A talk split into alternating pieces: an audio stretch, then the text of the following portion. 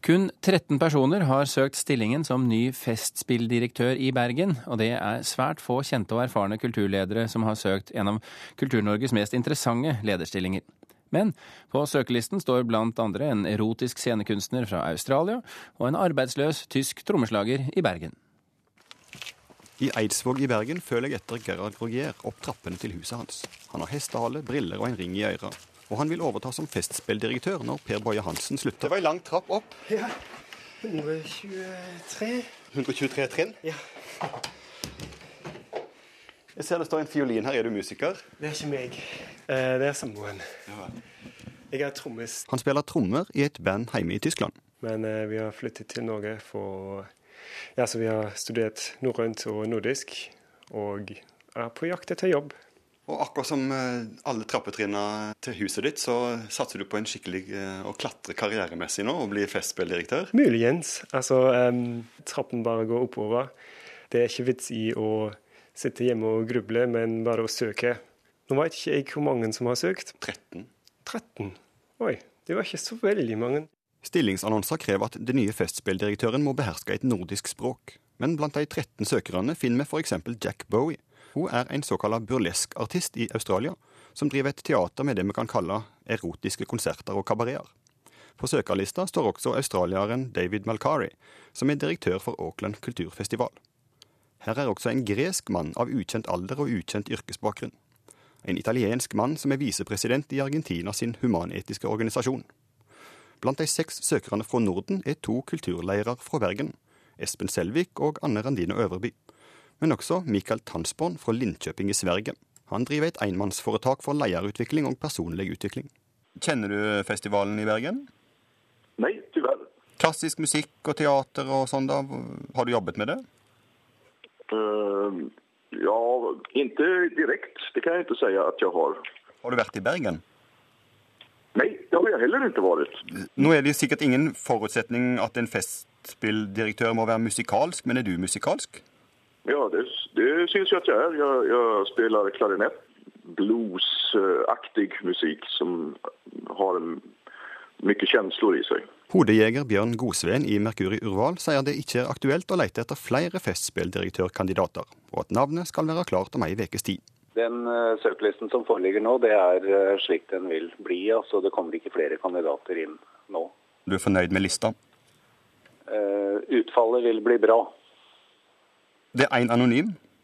Ja. Hvor viktig er den? Eh, I utgangspunktet er alle søkerne viktige. og Når vi er ferdig med å behandle prosessen, så får vi se hvem vi ender opp med.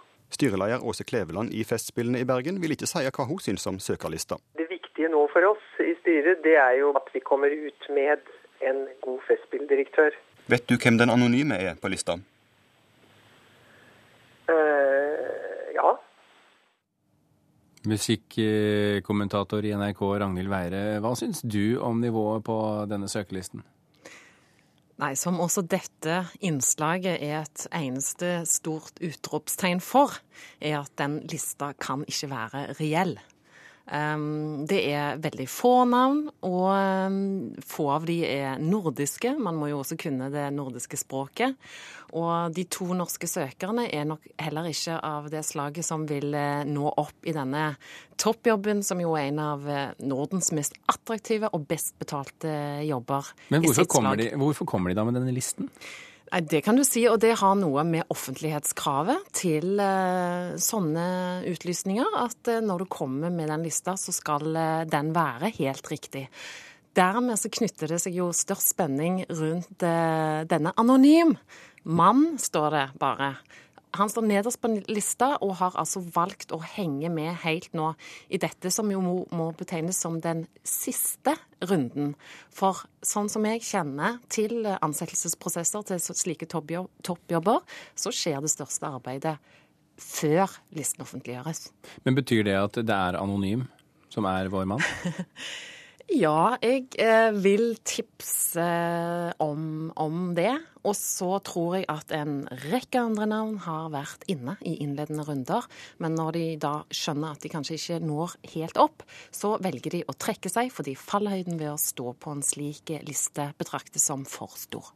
Hva forteller dette, denne prosessen deg om miljøet i Bergen, altså de som, er, eh, som, som kunne potensielt sett eh, rekrutteres lokalt?